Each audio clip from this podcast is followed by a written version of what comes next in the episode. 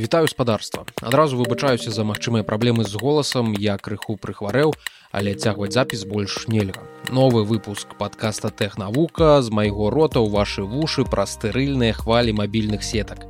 Пра чарговы, але значна больш гучны скандал з крыптой, які значна яе падкосіць. Пра судовы вырак Элізабет Холмс, што хацела быць падобнай да сціва Джобса, але бліжэйшае дзесяцігоддзе правядзе за кратамі. Таксама пра паспяховы старт мегаракеты NASAа і штучную кроў. Усё гэта і проста зараз. Пачынаем. Два мінулых тыдня, калі не лічыць драму вакол твиттера і масавыя скарачэння айцішнікаў, пра што мы пагаворым наступным разам, дык вось два мінулых тыдня збольшага былі прысвечаны гучнаму краху крыптавалютнай біржы FTX, якая падала на банкрутства. Збяржэнні сотняў тысяч кліентаў, якія размясцілі свае грошы на платформе FTX знаходзіцца пад пагрозай. гаворка пра сотні мільёнаў даляраў, нават не сотні, а некалькі мільярдаў. Чым больш я дазнаваўся пра закулісе гэтай біржы, тым больш запэўніваўся, што серыял крэмніевая даліна хутчэй за ўсё вельмі грунтоўна абапіраўся на рэчаіснасць. І тое, што падавалася абсурдам, не так ужо і далёка адышло ад жыцця. Чаго варта да прыкладу прозвішча заснавальніка і выканаўчага дырэктара біржы FTX Бэнкман Фрайт што адвольна можна перакласці як падсмалены банкір. Імёны, што гавораць самі за сябе бываюць не толькі ў другаснага сорту фільмах. Дарэчы, гэты падсмалены банкір выдаткаваў сабе 1 мільярд крэдыту пра сваю ж кампанію.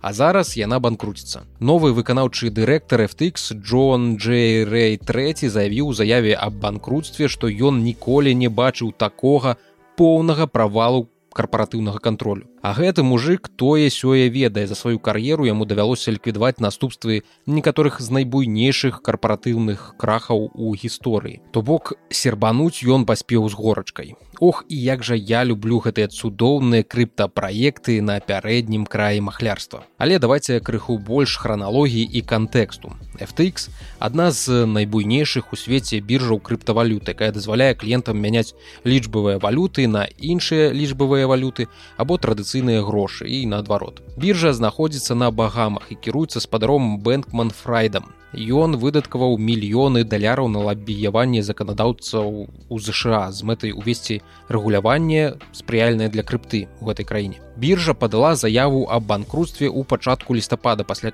таго, як Бінанс змяніла курс на сделку па выратаванні кампаній.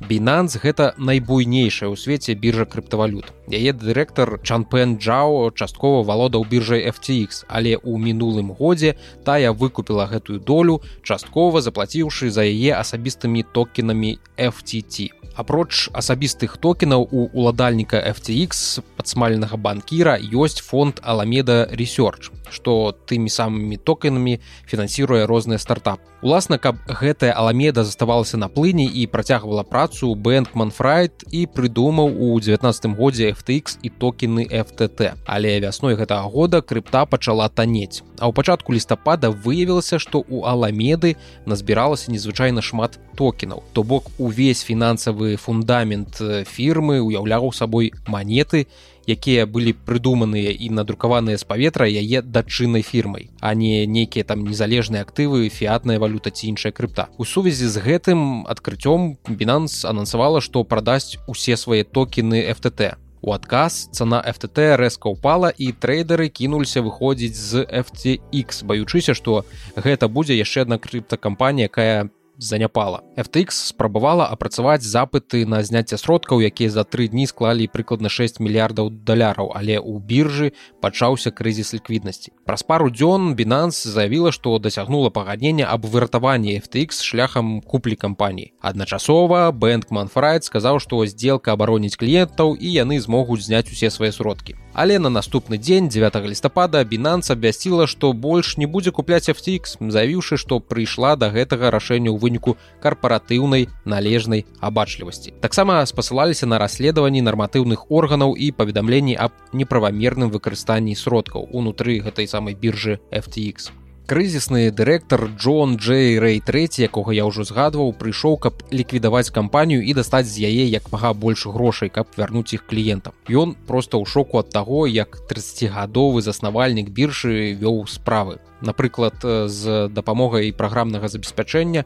утойвалася нямэтавае выкарыстанне сродкаў кліентаў а лічбавыя актывы амаль ніяк не кіраваліся. То бок менеджмент не меў паняцця колькі ў наяўнасці было грошай у той ці іншы момант часу. На сродкі фірмы куплялі нерухомасць для асабістага карыстання а гэтыя дамы афармляліся на імя кіраўнікоў кампаній ім жа выдаваліся шчодрыя крэдыты бэнкману агулам больш за 3 мільярды даляраў двум кіраўнікам FTX больш за 600 мільёнаў. Крах FTX паслаў ударную хвалю праз усю крыптавалютную індустрыю.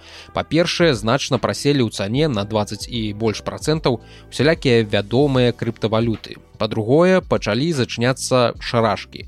Крыпта крэдытор блокфай фірма цесна звязаная з крыптаімперыяй спадара бэнкман фрайда заявіла што прыпыняе сваю дзейнасць. У сераду крыптафірма дженезіс абвясціла што яе уласнае крэдытнае падраздзяленне спыняе зняцце сродкаў А што бэнкман?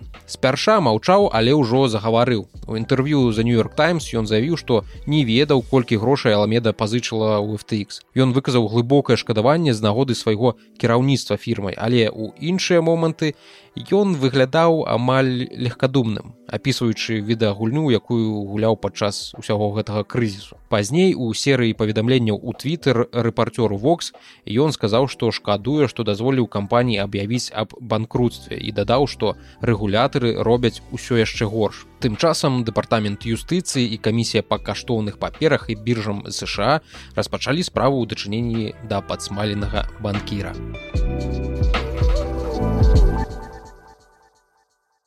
яшчэ одна гучная справа. Каліфарнійскі суд вынес вырак у дачыненні да элізабет холмс былы кіраўнік і заснавальніца стартапа тыранас асуджаная на 135 месяцаў турмы. Больш за 11 гадоў за падман інвестараў адносна тэхналогій і камерцыйных сделак сваёй кампаніі. Жанчына прыйшла на апошняе пасяджэнне з вялікай купай сяброў сваякоў і цяперашнім партнёрам на волі ў яе таксама застанецца гадавалае дзіця. Таксама холмс цяжарная другім. Хто гэта ўвогуле такая? Слухачы якія не надта пільна сочаць за тэхналагічнай індустрыяй і ўвогуле маглі прапусціць гэтую гісторыю але ў штатах асабліва ў крэмневай даліне яна на кожным языку. Гэта шматгадовая сага, што распаліла дыскусіі пра культуру хайпу і перабольшання ў стартапах. Гісторыя рэзкага ўзлёту і драматычнага падзення пачалася больш чым праз 10 гадоў пасля таго як Элізабет Холмс кінула стэнфордскі універсітет, каб стварыць тэранас у 2003 годзе. Стартап мэта якога зрабіць рэвалюцыю ў ахове здароўя з дапамогай лепшай дыягностыкі захворванняў. Кампанія стварыла машыну, якая, як сцвярджала місіс Холмс, можа праводзіць больш за 240 тэстаў на адной кроплі крыві. хутка і дакладна. Тады як традыцыйныя інструменты такого кшталту патрабуюць значна большага аб'ёму ўзораў. Яна заключыла партнёрскія адносіны з буйнымі прадуктовымі сеткамі, каб пабудаваць тэставыя цэнтры ў іх крамах. Холмс таксама сцвярджала, што тэхналогія кампаніі была адобрана фармацэўтычнымі кампаніямі і выкарыстоўвалася на палях баёў у Афганістане. Ні адно з гэтых сцвярджэнняў не выявілася праўдай. Але за некалькі гадоў місіс Холмс змагла атрымаць ад інвестараў амаль 1 мільярд даляраў, а агульная ацэнка яе кампаніі дасягнула 10 мільярдаў. Холмс стала самай маладой у свеце жанчынай мільярдэрам. Напрыклад, у 12 годзе сетка супермаркетаў Сейфway інвеставала 350 мільёнаў даляраў у мадэрнізацыю 800 месцаў клінікамі, якія будуць прапаноўваць аналізы крыві ў крамах. Пасля многіх прапушаных тэрмінаў і сумнеўных вынікаў выпрабаванняў дамова была скасаваная падман тыранос быў выкрыты журналістамі the wall street journal у 2015 годзе. Яны паставілі пад сумнеў абгрунтаванасць тэхналогіі тыранос яны заўважылі што ні адное рэцэнзаванае даследаванне гэтай фірмы не было апублікавана ў навукова-медыцынскай літаратуры. Калі ты робіш нейкі прарыўны прадукт у сферы медыцыны то чакаецца што под гэтым прадуктам будзе закладзена нейкае навуковае абгрунтаванне ці вынікі клінічных даследаванняў. Навукоўцы прааналізавалі тэхналогію тыранос і прыйшлі прыйшлі да выснову што большасць заяваў кампаніі перабольшаная каб павысіць давер да сваёй кампаніі холмс запрасіла тагачаснага віцэ-прэзідэнта ЗША наведаць лабараторыю кампаній тады гэта быў Джо байден. Яму спадабалася ўбачанае але як выявілася пазней каб схаваць сапраўдныя умовы працы лабараторыі тыранна стварыла фальшывую лабараторыю для візіту віцэ-прэзідэнта. У кастрычніку 15 -го года журналіст wall street journal паведаміў што тэранас выкарыстоўвае традыцыйныя машины для аналізу крыві замест асабістых распрацовак Таму што яны не адпавядаюць гучным заявам і даюць недакладныя вынікі ключавой крыніцай для выкрывальнай гісторыі стаў тайлер шульц які працаваў у кампаніі ў 2013 2014 годах. Ён біёлог працаваў толькі 8 месяцаў. За гэты час паспеў зазірнуць унутр магічнай машыны што вырабіла тыранас якую прасоўвала холмс і не шукаў там нічога рэвалюцыйнага. Все тое ж самае што рабіла і гэтая машынка ён мог зрабіць з дапамогай сваіх рук і піпеткі. Потым ён выявіў яшчэ одну трывожную рэч калі тэранас завершыла аўдыт кантролю якасці яна праводзіла выпрабаванні не на сваім апараце а на камерцыйна даступным лабараторным абсталяванні шульц зразумеў што ў кампаніі ёсць вядомы усім супрацоўнікам сакрэт. Ніякай сакрэтнай тэхналогіі просто не існуе. Спачатку ён спрабаваў данесці свае перажыванні да кіраўніцтва а калі гэта не ўдалося то звярнуўся да журналістаў і ў дэпартамент аховы здароўя Транас сцвярджала, што гэтыя абвінавачванні былі фактычна і навукова-памылковымі. Узброілася адвакатамі супраць крыніцы газетнага расследавання і наняла фірму па рэпутацыйнаму кіраванню, каб непрыкметна сцерці згадкі пра газетнай публікацыі са старонкі на вікіпедыі. Жыццё інфарматара шульца хутка ператварылася ў сапраўдны кашмар. Холмс наняла прыватных следчых, што сачылі за ім, а адвакаты кампаніі спрабавалі яго запалохаць. Хутка да падзеяў падлучылася кіраўніцтва па саннагляду, выявіліся парушэнні ва ўмовах выкарыстання інструментаў тыранас. Іх аднеслі да другога класу медыцынскіх прыладаў, што павінны адпавядаць пэўным стандартам. Інспекцыя ў лабараторыі кампаніі выявіла, што ўстанова выклікала непасрэдную пагрозу здароўю і бяспецы пацыента праз недакладнасць тэста для вызначэння правільнай дозы прэпарата, які разрэджвае кроў і неўзабаве урадавая праверка закрыла лабараторыю кампаніі. Тэранас распусцілася ў 18 годзе у год, калі місіс Холмс і яе бізнес-партнёр рамеж балвані былі абвінавачаны ў махлярстве. Балвані быў прызнаны вінаватым па 12 пунктах абвінавачвання ў махлярстве і падчас асобнага судовага працэсу. Вырак яму абвесцяць сёмага снежня. На судовым працэсе ў мінулым годзе спадарня Холмс давала паказанні на працягу сямі дзён. Гэта быў адзіны раз, калі яна публічна казала пра тое, што адбывалася ў тэранас пасля краху кампаній. Яна выказала шкадаванне ў сувязі з жорсткім абыходжаннем з выкрывальнікамі і журналістамі, якія расследавалі кампанію, а таксама ў сувязі з фальсіфікацыяй дакументаў навуковых даследаванняў. Яна вінаваціла іншых у тыранас у многіх недахопах кампаній і сказала, што яе перабольшванні проста малююць карціну будучыні, якую хочуць пачуць інвестары. Іх не цікавіла ні сёння, ні заўтра, ні ў наступным месяцы. Іх цікавіла, якія змены мы можам зрабіць. І гэта даволі распаўсюджаная з'ява ў стартап-асяродку. Каб прыцягнуць увагу і грошы інвестараў, шмат дзе якія стартапы гатовы значна перабольшваць рэвалюцыйнасць сваіх тэхналогій. Па выніку ж гэта ўсё ператвараецца ў гульню. Калі адныя расказваюць казкі, якія хочуць пачуць інвестары, а другія і рады абманвацца, бо зацікаўлены не ў прадукце як такавым, а ў росце каштоўнасці стартапа, капіталізацыі сваіх доляў у ім. Але вельмі мала кіраўнікоў такіх казачных стартапаў па выніку атрымоўваюць абвінавачванні ў махлярстве. Не кажучы ўжо пра асуджэнне і адпраўку турму. Элізабет Холмс не пашанцавала, калі так можна сказаць, Таму што яна абрала сферу медыцыны працы са здароўем людзей. Той жа інфарматар Тайлер Шульц зараз сам кіруе асабістым біятэхналагічным стартапам. Ён засяроджаны на пытаннях фертыльнасці жанчын. Кажа, што інвестары самыя кажуць яму, што прагнозы пра будучыню якія ён лічыць рэалістычнымі трэба адразу падвойваць патройваць і так далей Таму дакладна разумее як такі асяродак стварае людзей як Элізабет Холмс. Тым не менш холмс не адзіныя заснавальнікаў перспектыўных кампаній што раскідваюцца гучнымі заявамі а потым знаходзяць сябе на лаўцы ў суде у кастрычніку адбылося фінальнае пасяджэнне па справе трэвара милтона ён заснаваў кантору нікола амаль што як тэсла толькі нікола што паабяцала вырабляць электрычныя грузавыя аўтамабілі на вадародным паліве. Милтон сцвярджаў што нікола ўжо вырабляе зялёны вадарод то бок без шкоднага для прыроды вугляроднага следу з дапамогай аднаўляльных крыніц энергіі. І што такі вадарод выходзіць таннейшым за дызельнае паліва фактычна ж ні адной малекулы вадароду фірма не вырабіла а шмат мільярдныя кантракты з транспартнымі кампаніямі на куплю аўтамабіляў нікола выявіліся рэзервацыямі што лёгка маглі быць скасаваныя У нейкі момант акцыі ніколы дасягнулі 80 даляраў а таксама кампанія стала каштаваць болей за форт Тым не менш, калі праўда пачала прасочвацца ў сМ, акцыі абваліліся, а да мілтона ўзніклі пытанні. Яго прызналі вінаватым у махлярстве, яму пагражае рэальны тэрмін у турме. Што тычыцца Холмс, то раней у гэтым годзе суд прысяжных прызнаў яе вінаватай па трох пунктах абвінавачання ў махлярстве і адным пункце абвінавачання ў змове з мэтай здзяснення махлярства. За некалькі тыдняў да вынясення выраку было і генеральнай дырэктарцы пракуратура попрасіла суддзю даць ёй 15 гадоў пазбаўлення волі і выплаціць ахвярам больш за 800 мільёнаў даляраў адвакаты холмс падалі 82 старонкавы дакумент у якім аргументавалі чаму яна павінна атрымаць значна мякчэйшае пакаранне. Максімум 18 месяцаў хатняга арышту і грамадскія працы. І далі больш за 100 лістоў напісаных у падтрымку заснавальніцы стартапа. Тым не менш жанчыне прысудзілі рэальны тэрмін. Холмс павінна будзе самастойна прыйсці ў турму 27 красавіка наступнага года. у Урэшце гэта адбылося. Самая вялікая ракета ў гісторыі чалавецтва стартавала ў Амерыцы і рухаецца ў бок месяца. Яна ўжо круціцца вакол гэтага месяца.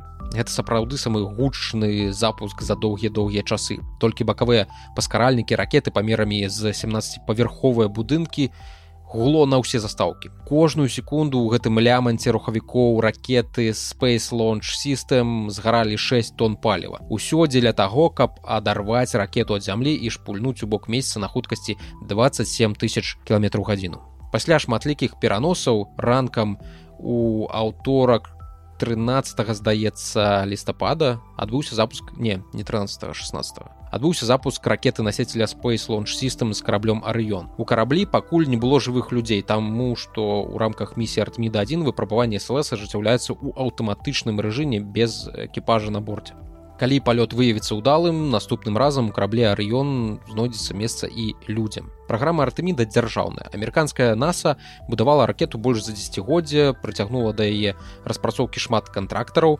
патраціла незлічоныя дзясяткі мільярдаў даляраў і пасля шматлікіх пераносаў праз тэхнічныя праблемы і ўраганы на поўдні ЗША ракету ўрэшце запусцілі хаця за некалькі гадзін да запуску інжынеры выпраўлялі перыядычную уцечку вадароду і паламаны камутатор Таму наогул ідальным гэты запуск не назваць. Праз некалькі хвілін пасля запуску бакавыя паскаральнікі ракеты зрасходавалі паліва, аддзяліліся ад асноўнай ступені і ўпалі ў атлантычны акіян. А вось асноўная ступень працавала да той пары, пакуль не вывела капсула раён на вышыню каля 4000 кіламетраў. На гэтай вышыні адбылося раз'яднанне ракеты і капсулы. ракета па выніку упала ў ціхі акіян, а вось капсула раён прадоўжыла сваё падарожжа насустрач месяцу. Вакол якога яна і будзе круціцца некалькі дзён. Перш чым зноўку вярнуцца на зямлю. Чакаецца, што капсула па выніку таксама плюхнецца ў акеан 10 11 снежня. Але зробіць гэта максімальна бяспечна таму што ў будучым пры аналагічнай пасадцы ў аналагічнай капсуле ўжо будуць знаходзіцца жывыя людзі. Экіпаж місіі артеміда 2 пакуль жа на борце арыёна толькі тры манекены. Яно і зразумела бо ўвесь запуск быў адзіным вялікім тэстам у тэорыі ўсё гэта павінна было паляцець без праблемаў але паміж тэорыяй і практыкай ёсць шмат нюансаў і мы гэтыя нюансы бачылі. Таму ніхто рызыкаваць жывымі людзьмі на першым запуску не збіраўся. Хаця у арыёна ёсць суперсучасная аварыйная сістэма, што выплюне капсулу з экіпажам з карабля, калі нешта пойдзе не па плане. І калі нават на старце ракета выбухне, у будучых экіпажаў ёсць шанец выжыць у тэорыі. Ён ёсць, зразумела ж.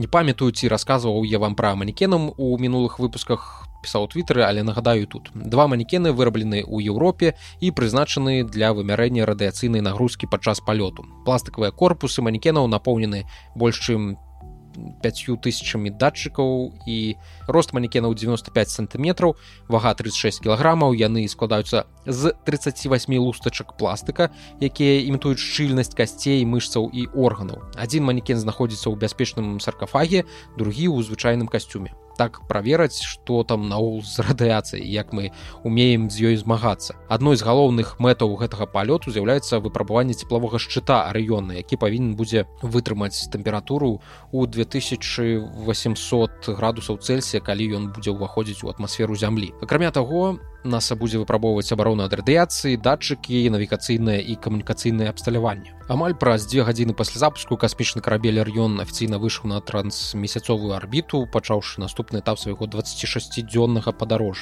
падарожжа прытым колькі ўжо прайшло. 10 дзён. Амаль палова. Наступны палёт праграмы артеміда які ў цяперашні час прызначаны на 24 год дазволіць экіпажу астранаўтаў абляцець месяц і вярнуцца назад без высадкі на месяц. Затым у 25 годзе нас і плануе зрабіць першую пасадку на месяц з экіпажам пасля місіі апал 17 у 72 годзе. То бок пройдзе 53 гады. Да халеры а сярод экіпажа якому наканавана ступіць на месяц у новым тысячагоддзі будуць жанчына і астранаўт з этнічнай амерыканскай меншасці.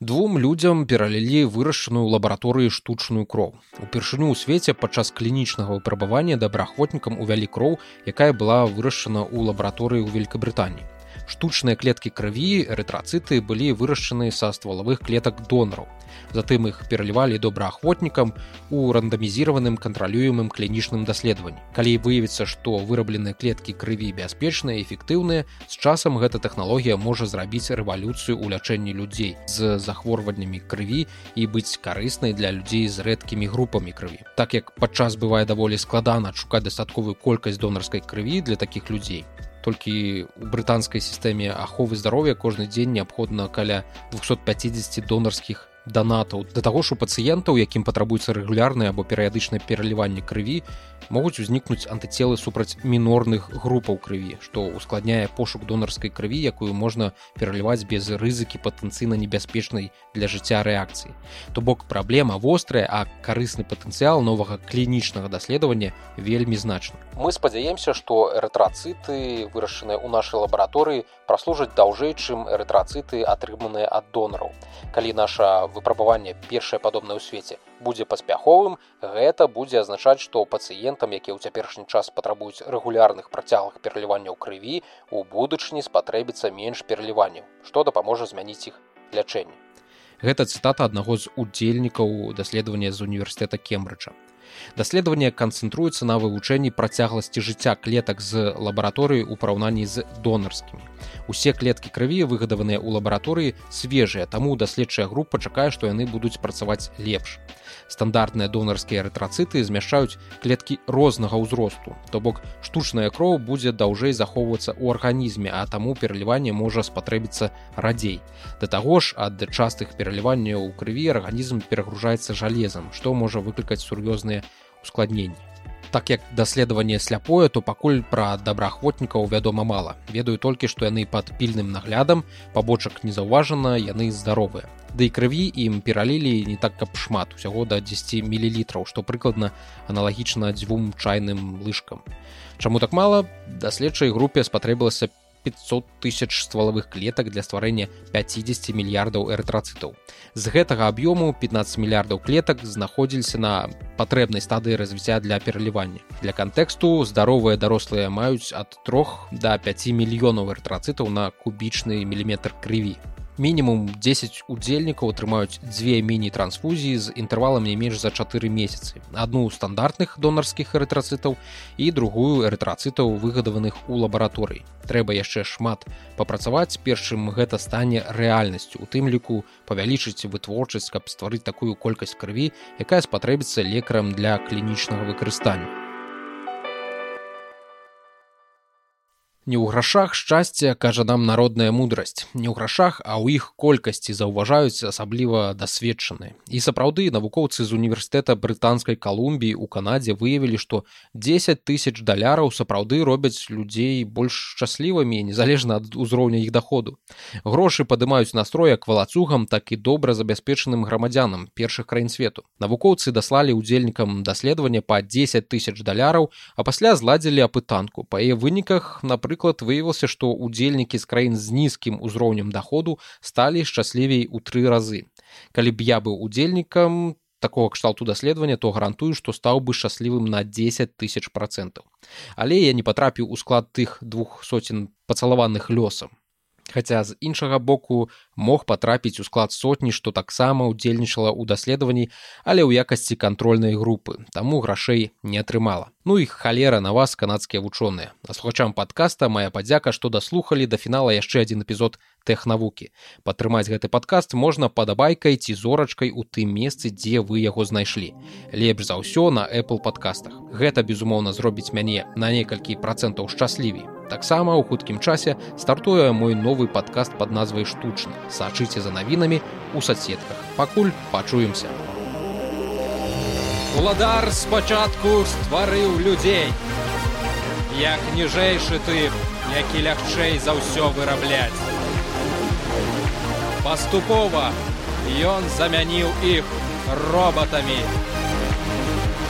Гэта быў крок наперад І нарэшце ён стварыў мяне, каб я заняў месца людзей, якія яшчэ засталіся. З гэтага часу ладару служу я.